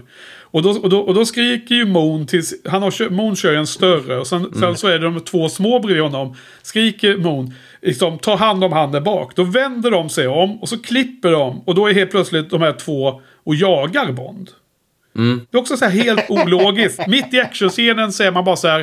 Eh, det är liksom kontinuitetsbreak mitt i. Vilket gör att även om man är inne i filmen eller vill vara inne i filmen.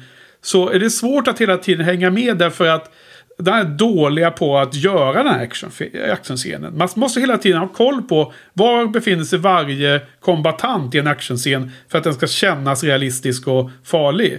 Här är de, de, de svänger runt och är liksom typ 100 meter framför Bond. Helt plötsligt så är de bakom Bond och skjuter mot honom. Och det är bara, liksom, det är bara så här sloppy filmmaking tycker jag.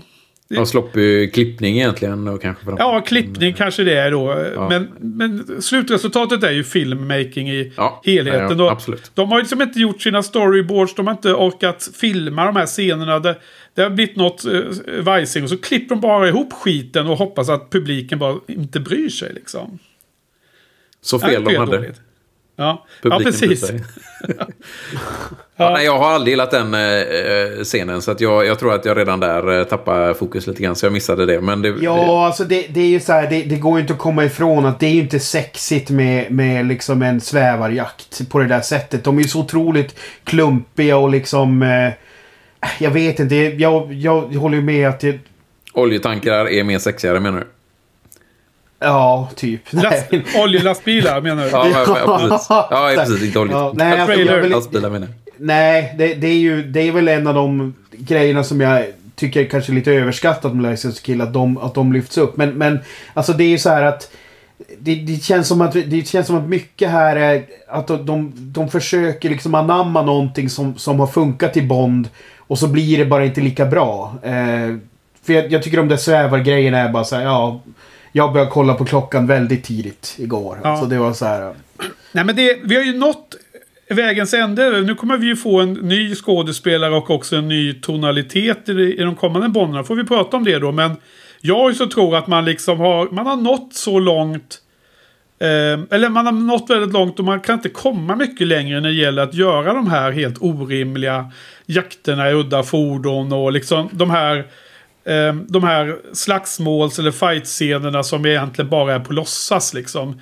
Eh, det känns som att det är en bra timing att ta in någon form av skruva till liksom närvarokänslan i våldet i Bondfilmerna. Och det är det jag välkomnar i de kommande filmerna. Ja, och eh, jag tror att de tänkte på det redan inför den här filmen men insåg att vi kommer behöva göra en reboot, en ny skådis och allting så vi väntar till nästa film tror jag. Ja. Eh, för det, det, det, var snack om det redan när den här filmen, eller det gjordes vet jag. Ja. Eh, så det är välkommet eh, nästa film definitivt. Ja. Um, har vi no du hade några kvar uh, sådana här callbacks från 40-årsjubileet. Ja. Andra favoriter? Uh, jag vet inte om jag har så mycket mer favoriter kvar. Det finns mycket att prata om, men uh, jag vet inte hur mycket favoriter det är. Men uh, vad ska vi säga? Um, Grave säger ju Diamonds are forever, Rewan. typ sådär, slirar lite grann. Uh, men, men de använder ju den här ejector seat äntligen igen. Uh, ja, just det. På bilen. För, för att uh, räta bilen samtidigt undvika en, en, ja, ytterligare det är väl ett, det är väl ett nytt och roligt sätt de använder ja. ja, det är absolut. Jag, jag, jag kommer ihåg jag, jag tänkte att det var lite kreativt faktiskt. Så den, mm. den tyckte jag... ja, ja, alla helt plötsligt börjar hylla samtidigt. För jag, jag, jag, jag tycker det är coolt att Brosnan är så nonchalant när han bara skö, sköter kontrollerna och när han stänger luck, takluckan sen när han har rättat sig. Allting sker väldigt så här... Det är väl väldigt Brosnan. He hemmatamt. Så ja. det var ganska bra spelat. Det är väldigt Brosnan där. Han skulle bara rätta till slipsen också. precis, precis. Flugan. Så, ja. Mm, känns väldigt mycket som det, det, det, det är så bra i uh, andra virtuella scener när Moneypenny drömmer om Bond att hon rättar till hans slips. alltså det, det är så, det är så otro, alltså så här, det, Den moraliska slutscenen i filmen är ju den scenen. Alltså man behöver ju inte den där jävla Jinx och Bond-scenen. Utan bara att hon blir påkommen utav Q. Och att ja. filmen bara slutar där hade varit så jävla klockrent. Ja. Ja. ja. Ja, det blir ingen speciellt eh, högtidsfull avsked av Brosnan. Men jag vet inte, visste man om att det här var hans sista film de gjorde den eller? Nej, man misstänkte väl men eh, jag, tror, jag, tror inte det var helt klart. Nej. Ja, okej. Okay. Ja, eh, nej men eh, och slutet där så är det då mm, risk kärnvapenkrig eller allt vad det är. Och, jag, tycker det är ganska maffiga explosioner de har fått till i alla fall. Det ser ganska coolt ut när det när, när den här ljusstrålen smäller av alla minorna och sånt. Och jag tycker det är ganska effektiv, liksom en vägg av explosioner. Som rör sig mot eh, Sydkorea där då. Vad tyckte ni fast, det? Fast, fast, det är ju väldigt CGI. Alltså det här är ju liksom, det har ju inte åldrats superbra. Och det, det känns ju otroligt digitalt. Tycker jag. Ja, jag vet inte. Okej. Okay. Ja, kanske. Jag, jag tror jag somnade till lite under den scenen. Så att jag har ingen åsikt. Ja, okej. Okay. Jag hade redan tappat... Eh... ja, okej. Okay. Det blev klipp längs fotknölarna. Det är bra. Men, ja, nej, jag har ingen kommentar mer. uh, ja, men sen har vi då hela det här flygplanet alltså. Vad, oh, uh, vad tycker ni om detta då? Det är lite en sån här du, dubbelfight då. Där med Miranda Frost mot Jinx samtidigt som det är Bond mot uh, Graves. Så. Ja, alltså här, här är ju återigen då. Nu, nu blir det då straffpoäng här. För nu kommer jag ju återigen då ta upp eh, uh, Pam Nej, då. Att... Straffpeng Joel. Straffpeng sa jag. ja, nej men alltså. För, för lägga 10 kronor i skålen varje gång du nämner ja, det. Ja. Det, det blir inte bra per automatik bara för att sidekicken slash Bondbruden också får sin slutfight. För det känns så jävla skohornat in liksom. Mm. Det känns som bara, ja men nu ska vi ha så att vi kan klippa mellan de här två. Och det är så här, bara ja. Alltså för mig blev det bara, det blev bara så uppenbart att att vi måste ge henne något att göra också. Liksom. Mm. För att hon är Halle Berry. Men det är inte det klassiska eh, alla filmer. Att eh, all, alla ska ha sin skurk att slåss med i slutet. Liksom. Skurkarna råkar vara fem och hjältarna råkar vara fem och de får Ja, liksom. jo, absolut. fast, fast grejen är att vi har ju sluppit det tidigare. Ja, Bond brukar inte ha det.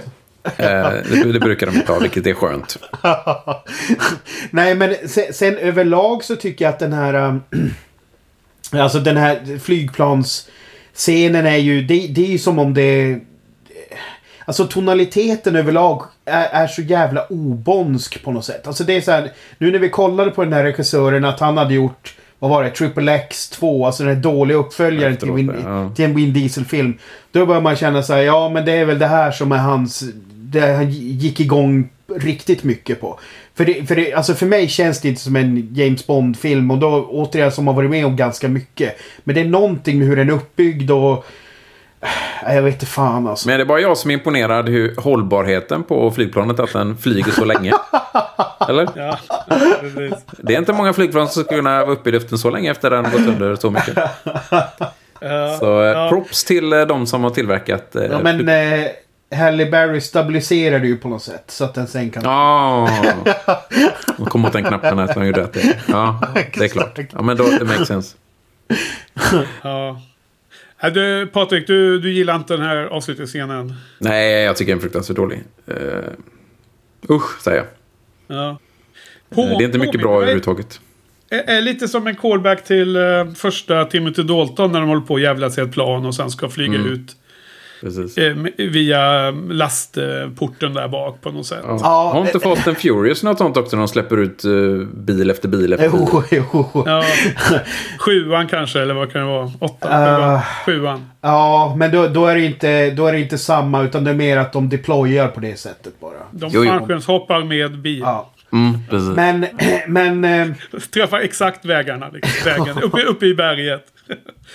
Nej men å, återigen så reagerade jag ju här på hur, vilken skillnad det är på när Dalton ska liksom rädda upp ett flygplan som håller på att krascha jämfört med när Mm. Pierce Brosnan ska starta en helikopter som faller fritt.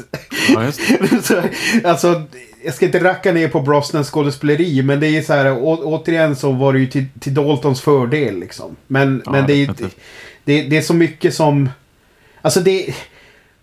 Alltså det, det, det sjuka är ju att när, när, man gjorde Roger Moore-filmer åt, åt det här hållet så, så finns det oftast någon slags charm på något sätt som jag bara inte känner här. Det blir mer iskallt för mig här. Ja, men det är lite mer plastigt här. Så är det ju liksom. Ja, Allting känns mer eh, specialeffektigt. Medan eh, det kanske kändes mer eh, analogt, mer eh, taktilt i eh, Daltons filmer.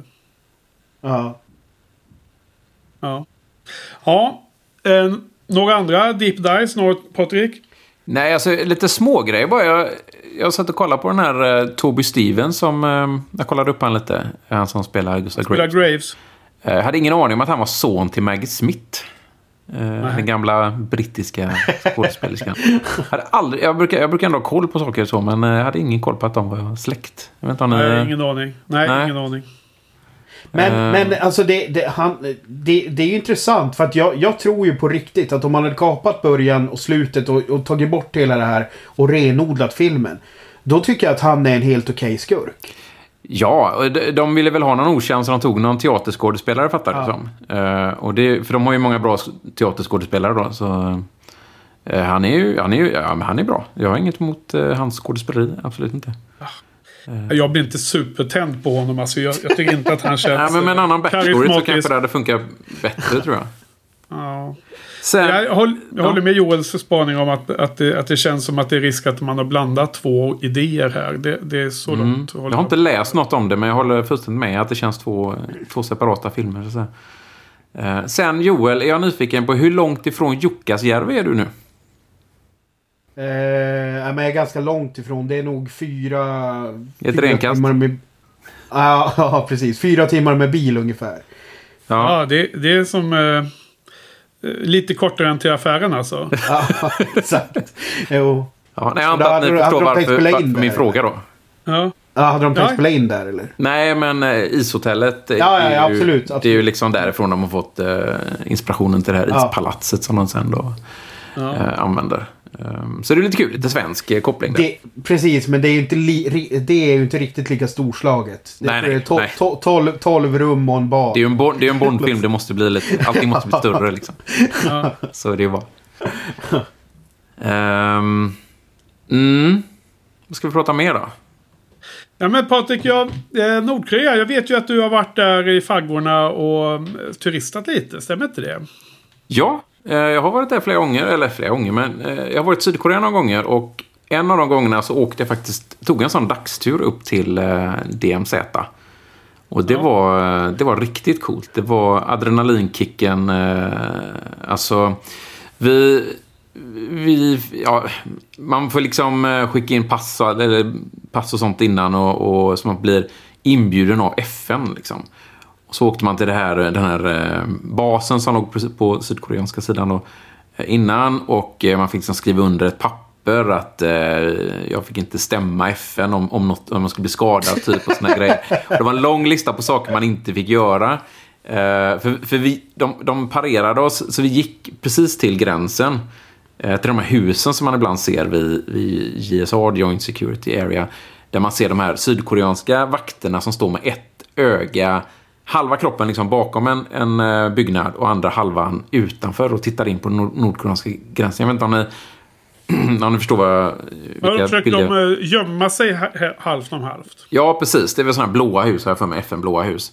Eh, och så, husen går liksom över gränsen så att sydkoreanerna kommer in från sin sida och nordkoreanerna kommer från sin sida. Så sitter de, så har de ett konferensrum där inne och eh, ja, diskuterar saker. Så vi fick gå in i de rummen och så fick vi även stå... Första vi gjorde var att vi fick ställa upp oss längs gränsen, eller precis innanför gränsen. Och så fick vi stå blickstilla under någon minut. Där nordkoreanerna garanterat tog foto på alla då. Eh, och då fick man liksom inte, man fick inte ha på sig några trasiga kläder. Man fick inte ha på sig några t-shirts eller något med konstiga eh, meddelanden. Eh, man fick liksom inte eh, ha med sig några, några lådor eller paraplyer. Och gick skosnöret upp så fick du inte, du skulle stå helt stilla liksom. Kommer ihåg att det var någon amerikan som, som började ta kort och såna grejer. Och, och och det var någon sydkoreansk vakt som, som röt åt det rätt rejält på honom. Då.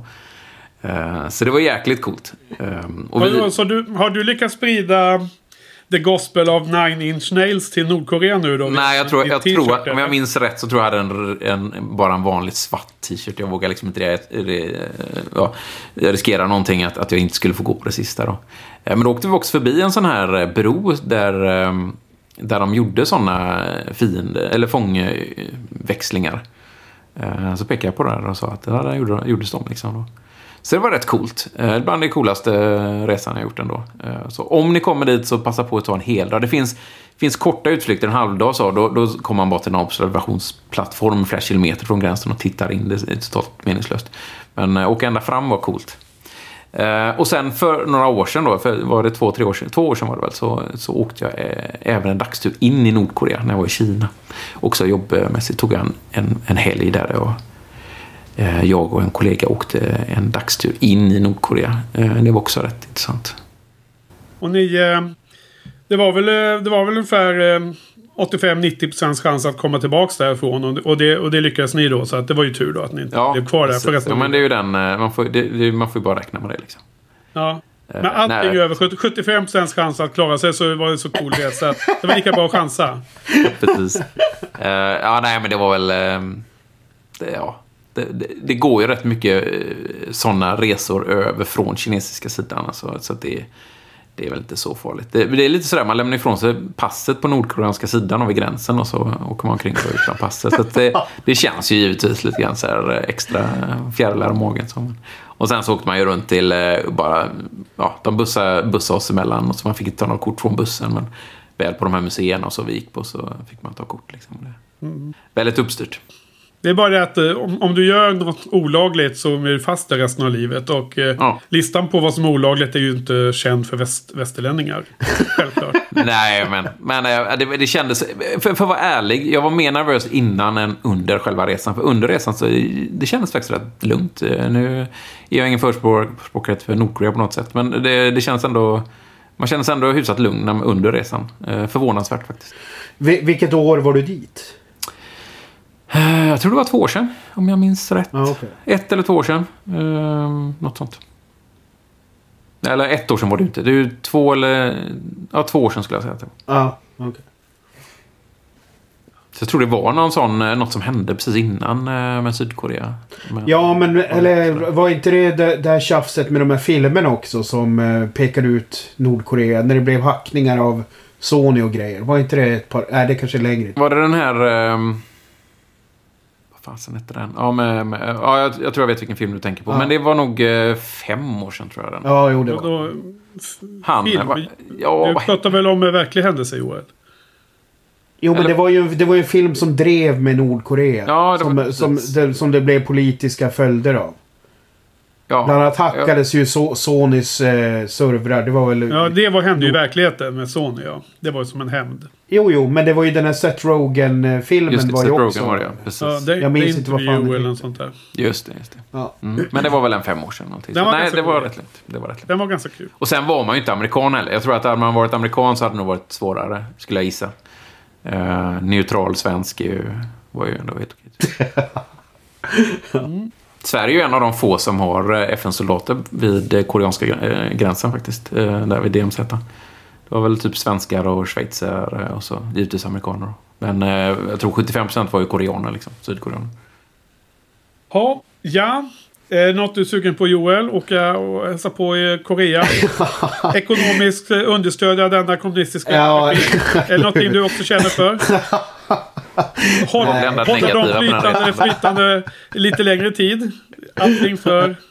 Ja, nej, jag, jag, jag hoppar nog. Det, det lät, det lät eh, som att jag kan stå över den. Men det är alltså samtidigt, det är väl intressant. Jag kan förstå att man tar chansen om man ändå är på den sidan. Så att säga. Men jag hade nog inte aktivt åkt dit. Daniel. Nej, vi, vi hade ju en eh, leverantör då som, som var precis eh, någon timme från koreanska gränsen. Då. Eh, Annars hade jag ju inte tagit en extra omväg. Det var, vi tog ett tåg i två timmar tror jag, sen så var vi där liksom. Ja.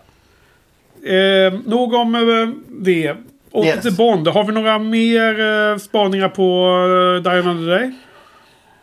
Eh, en, en liten positiv grej är att jag tyckte om när de pratade koreanska mellan varandra, Graves och Sao i slutet där. De gjorde Ja. det ganska ofta. Det kändes ganska naturligt. Eftersom båda var koreaner. Så de blev lite upphetsade så blev det mycket koreanska. Precis. Eh, sen vet jag att du skickade någon, eh, någonting om post-credit-scen, Henke. Jaha. Jag vet inte om Ja. du ville...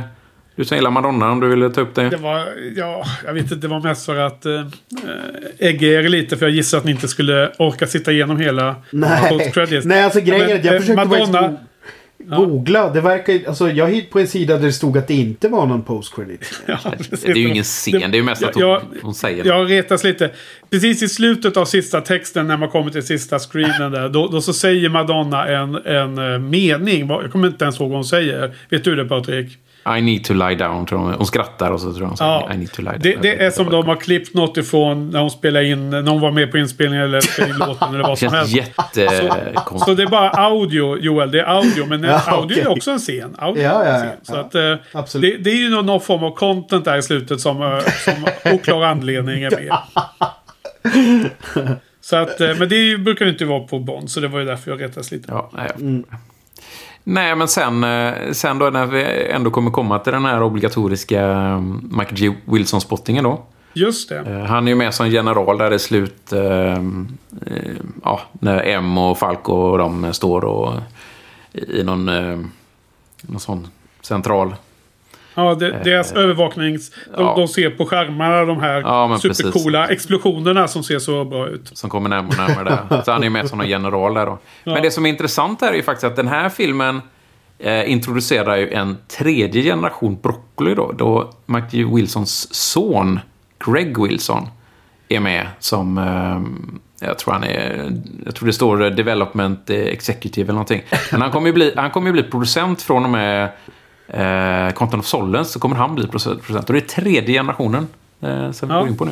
Det är lite coolt att den fortsätter. Men eh, eh, fast han är med på i produktionen. Han är inte Ja. med cameo då. eller? Så vitt jag vet så har han inte tagit sin fars eh, fetisch där eh, och var med. Eh, Okej. Så nej, han är med bara behind the scenes. Precis som Barbara. då. Ja, okej. Men du, eh, vi ska också ta... Det var bra. Eh, Michael Wilson, eh, spottingen måste vi ha med. Men nu ska vi också gå en runda och ta betyg då. Eh, jag kan börja den här gången. Och jag tyckte ändå att det fanns en del bra scener, kul grejer under första halvan av filmen framförallt. Så att det, det får två av fem av mig. Det fanns lite content. Den var inte eh, värd en etta därmed i mina ögon. Eh, du då Patrik? En svag tvåa. Mm. Svag tvåa. Eh, Men då såg du också några scener. Var det lite de här callbacksen och så som du gillade? Ja, eller? lite callbacks. Eh, Miranda Frost. Eh, ja just Q, eller liksom John Cleese gör en bättre Q den här gången. Så att eh, inte riktigt världen ett. Ja. Joel då?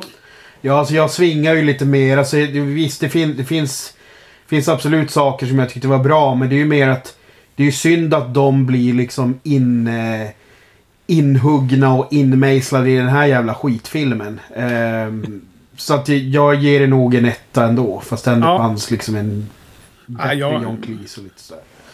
Nej, jag kan också egentligen se att en 1 av 5 är kanske ett eh, relevant betyg för filmen. Men eh, ma- man får försöka göra en bedömning så det blev så. Det, det Okej. roliga är ju att min, min Pierce Brosnan-ranking på filmer är alltså... Betygs, betygsskalan är 4, 3, 2, 1. Det är en nedräk, Mm. nedräkning till Daniel Craig. Ja, men det, så fick han inget mer sen. Men det är en bra... Det är en bra Tur det. tre- trenden är väldigt tydlig där va. Ja. Eh, Okej, och sen då så går det några år nu. Tre år eller vad är det? Vilket år kommer Casino Royale ut nu då? Är det 2005 eller 2006? 2006. Så det Det går fyra, år, fyra år. fyra år emellan. Ja. Mm. Ja. Men eh, för oss så tar det bara en vecka. Det är Ja. snabba bud. Precis. Det här är det? lika, hastigt, lika hastigt som det, som det tog för Gustav Graves att bygga upp en... eh, Att bli en av världens eh, mäktigaste män. Precis. Ehm, så nästa vecka är det Casino Royale med Daniel Craig. Mm. Film Oh som jag ser väldigt mycket fram emot. Det är ju en av mina topp tre Bondfilmer eh, någonsin. Så att, eh, det har jag mycket höga förväntningar på. Patrik har höga förväntningar. Jag har också ganska höga förväntningar. Jag tycker att den eh, ska se fram emot att se den. Och du då Joel? Eh, ja, men jag får väl hoppas på den här devisen att, eh, att eh, om man har lågt, låga förhoppningar så kanske det blir bättre. Ja, okej. låga förväntningar. Ja, det var väldigt spännande.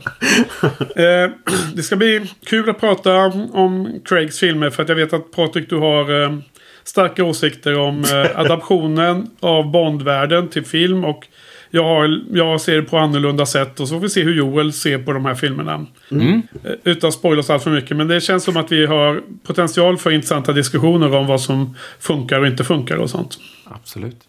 Jättekul. Yes. Men då, då tackar jag för idag då. Så tack Joel, tack Patrik.